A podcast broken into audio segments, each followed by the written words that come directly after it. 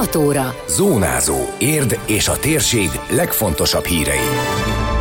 Érd és Tárnok lakossága régóta várta, októberben elkészülhet a Vadlód utcai körforgalom. Átadták Török Bálint vadonatúj gyermekintézményét, az apró léptek bölcsődét, múzeumi nyomozás, raktártúra, tárlatvezetés, ingyenes családi délután vasárnap a Szülinapos Földrajzi Múzeumban. Köszöntöm Önöket, a Zónázó 2023. március 8-ai adását hallják. Ez a Zónázó, az Érdefem 113 hírmagazinja. A térség legfontosabb hírei Szabó Beátától. Őszre megszelidül a Vadlód utcai csomópont, a balesetveszélyes kereszteződés átépítését évek óta várják Érd és Tánok lakói is. Az uniós forrásból a Modern Városok program részeként kialakítandó körforgalom környékén a közműkiváltásokon dolgoznak a szakemberek, a hónap közepétől pedig a régi burkolatot kezdik felmarni. A projektindító ünnepséget a napokban tartották a Polgárok Háza dísztermében termében. A beruházással új korszak kezdődik a két település életében, mondta Csőzik László polgármester. A két település szempontjából óriási előrelépést jelent, és hát végre eljött a munka dandárja, tehát elkezdődik a, az effektív kivitelezési munka is. Ez egy nagyon infarktusos csomópont volt, ugye rengeteg baleset kötődött ehhez, és nagyon sokan kérték, hogy végre történjék már előrelépés. Modern Városok program keretében VECOP támogatásból támogatás uniós pénzül valósul meg, közel 1 milliárd forint értékben. A kivitelezés ideje alatt forgalomkorlátozásokra kell készülniük az ott lakóknak, arra közlekedőknek, a lezárásokról, terelésekről az aktuális munkáknál tájékoztatást adnak. A polgármester a beruházás ütemezéséről elmondta, hogy elsőként április-májusban a tárnokra vezető Rákóczi út felőli ágat építik ki, utána következik a Vadlúd utcai és a Sóskúti úti ág nyáron, majd a Zámori úti ág. Legvégül az aszfalt koporét réteg leterítése és a forgalomtechnikai munkák következnek. És ez körülbelül lemegy úgy olyan szeptemberig, októberig időszakosan. A munka dandárja mondanom sem kell, hogy nyáron zajlik. Próbálunk úgy odafigyelni, hogy minél kevesebb forgalmi torlódást okozon, de nagyon nagy odafigyelést igényel tényleg az itt élők részéről, hiszen félpályás útlezárások, szakaszos lezárások lesznek, érintik az Ámori utat, a Rákóczi utat, érintik a Vadkacsa utcát, érintik a Vadlut utcát, Csőzik László emlékeztetett, hogy a csomópontot át kellett terveztetni, mivel eredetileg lámpás kereszteződésnek indult, de mindkét település lakossága a körforgalmat szorgalmazta.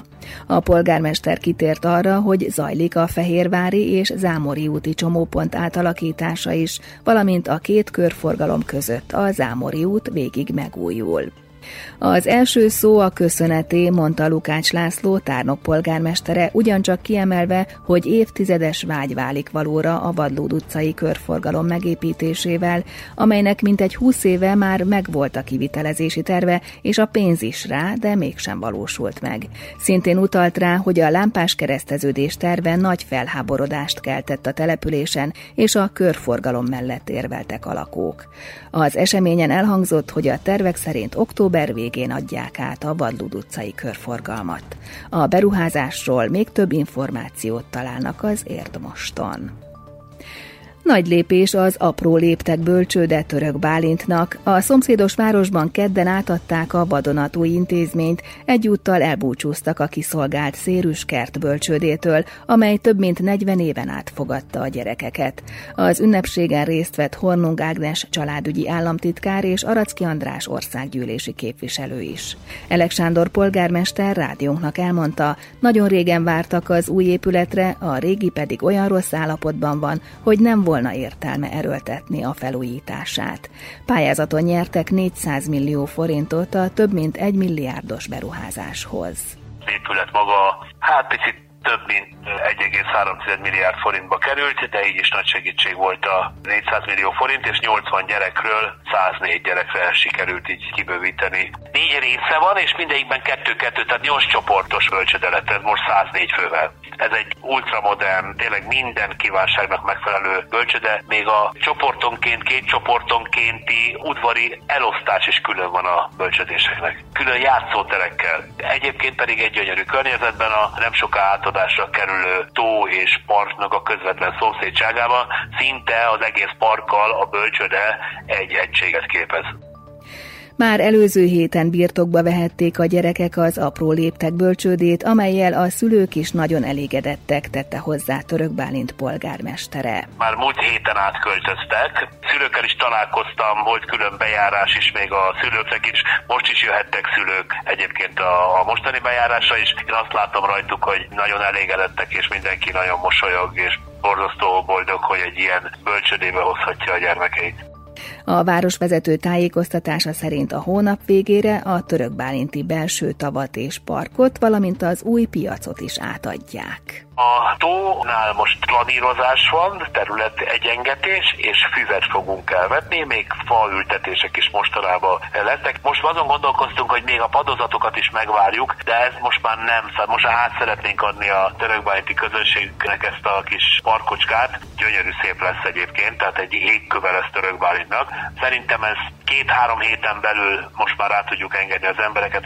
A piac pedig szintén csak, csak és kizárólag engedélyekre vár. Ez is két-három héten belül mindennek meg kell történni, és sokkal kényelmesebb, szellősebb lesz, mint a művelődési ház udvarán.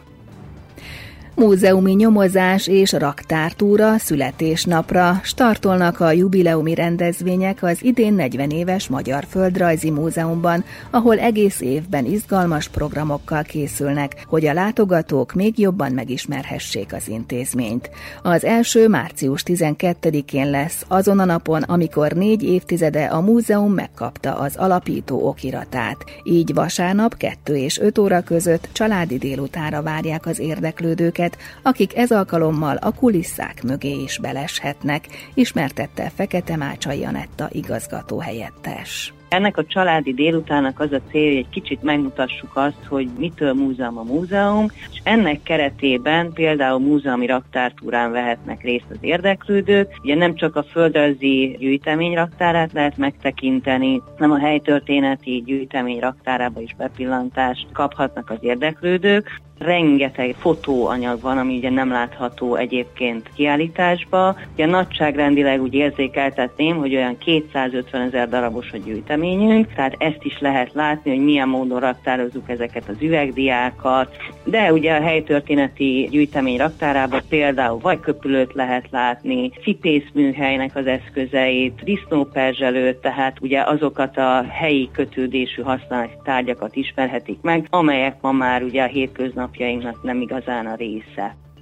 Minden egész órakor indítják majd a raktártúrákat, de előzetes regisztráció szükséges lehetőleg péntek délig, mert egy turnusban hat embert fogadnak, így limitált a férőhelyek száma, hívta fel a figyelmet az igazgató helyettes.